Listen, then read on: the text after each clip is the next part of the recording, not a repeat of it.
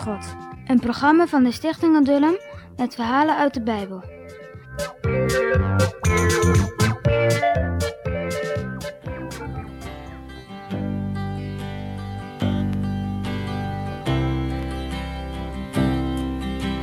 Noach, kom eens rustig hier en hoor naar wat ik zeg. Zie al die mensen hier, ze gaan hun eigen weg. En nu berouwt het mij dat ik hen heb gemaakt. Als straks mijn oordeel komt, dan is het voor hen te laat.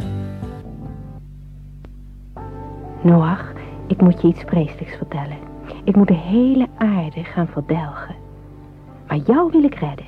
Jou en je gezin. Want jij bent mijn vriend. Luister goed, Noach.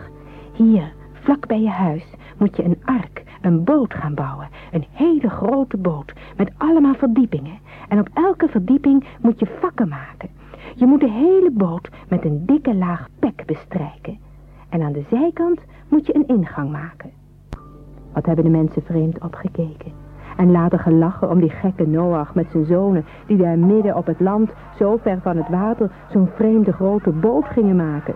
Zie je wel, die gelovige mensen, dat zijn van die onpraktische, rare lui. Moet je dat zien, zonder van al dat dure hout? Daar hadden ze beter wat anders van kunnen bouwen. Maar Noach en zijn zonen zeiden niets.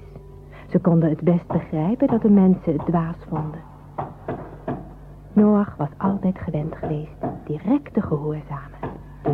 Dat deed hij nu ook. Hij maakte de boot precies zoals God het hem opgedragen had.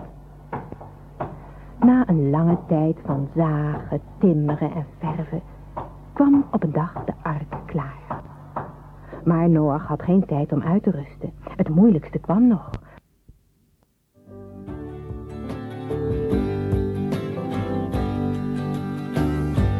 Mensen, luister goed wat ik tot jullie zeg. Je werken zijn niet goed, je leven dat is slecht. God heeft het vast besloten dat je sterven zult. Dan wordt de deur gesloten, het is uit met zijn geduld. Nog geloofden de mensen niet dat het zou gaan regenen en dat het waar was wat Noach hun had gezegd. Maar daar begon het te regenen. Eerst dik, dikke druppels en toen stralen tot het water uit de hemel goot. Het regende maar door. Eén dag, twee dagen, drie dagen. Ook uit de grond kwam het water omhoog. Nu moesten de mensen het wel geloven. De tenten waarin zij woonden dreven weg.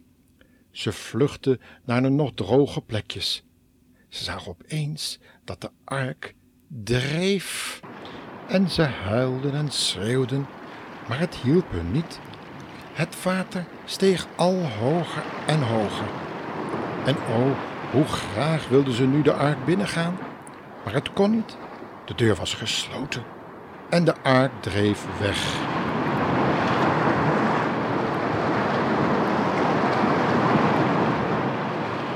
Ze vluchtten in de hoge bomen, maar ze vielen eruit en verdronken.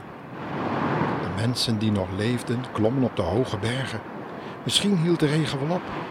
Nee, nu lachten ze niet meer. Nu huilden ze van angst. Nu zagen ze dat de Heer hen om hun boosheid kwam straffen. En nu was het te laat voor vergeving. De Heer had hun genoeg gewaarschuwd. En het water steeg nog hoger, tot boven de toppen van de bergen. Ze moesten allemaal verdrinken. Alle mensen en dieren die niet binnen die veilige ark waren. De vogels vlogen angstig boven die wilde golven. Nergens was er nog één plekje om te rusten. En eindelijk waren ze zo moe van het vliegen dat ze zich maar in het water lieten vallen. En ze verdronken ook. Toen was alles wat leefde verdronken, behalve de vissen. Maar Noach was veilig in de ark die over die grote zee van water dreef. De Heere bestuurde die ark.